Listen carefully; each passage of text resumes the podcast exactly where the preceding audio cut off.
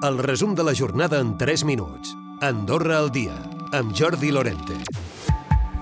La societat gestora del casino posarà dilluns a la venda 6.000 accions a 1.000 euros, amb un centenar a 150.000.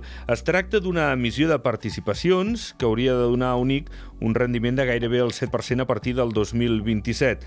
Des de la societat, Jocs S.A. volen que siguin accions populars i que arribin a quanta més gent millor. L'acció popular que sigui el més popular possible i per tant que hi hagin quantes més millor eh, de 1.000 euros, 2.000 o 3.000, el que sigui, però quantes més millor, no? De fet, Ivan Armengot, a qui escoltàvem, ha dit que ja han rebut 280 sol·licituds formals, algunes per valor de 20.000 euros, el que fa pensar que aquestes accions s'agotaran abans de final de termini. I d'altra banda, Concòrdia ignora encara si s'adherirà al pacte d'estat per a les negociacions amb la Unió Europea i quines aportacions presentarà a l'esborrany. S'hi ha referit a la rèplica el Cerny Escalé, és el president del grup parlamentari de Concòrdia. Saber què volem defensar i per saber què volem defensar necessitem estudis d'impacte. És, és extraordinari que el govern encara no hagi fet cap estudi, cap estudi d'impacte, o, almenys no hagi fet cap de públic, sobre l'acord eh, d'associació d'entrada al mercat únic.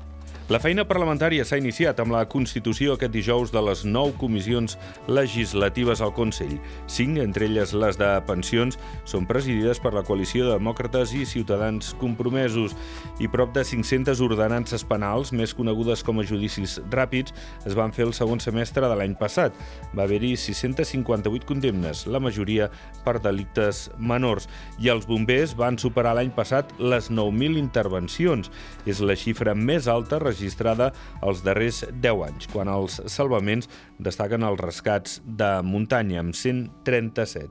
Que un terç de l'energia consumida sigui d'origen renovable el 2030 és l'objectiu que tant FEDA com el govern seguiran potenciant amb l'energia fotovoltaica. En parlava el secretari d'Estat de Transició Energètica, Transports i Mobilitat, David Forner. S'hauria de, de ser doncs, eh, més ambiciosos amb la llei LITEC, no? que ara ja fa uns quants anys que, que està en marxa i potser en futur plantejar que totes les eh, edificacions doncs, puguin, puguin tenir aquestes, aquesta energia fotovoltaica, si, si més no obligatòria, no? però això és un, és un debat que, que n'hem de parlar. Hores d'ara, la gran font de producció d'energia verda en aquests moments és la hidroelèctrica i es confia que segueixi sent així. Això sí, s'intentarà que la fotovoltaica i la eòlica guanyin cada cop més terreny.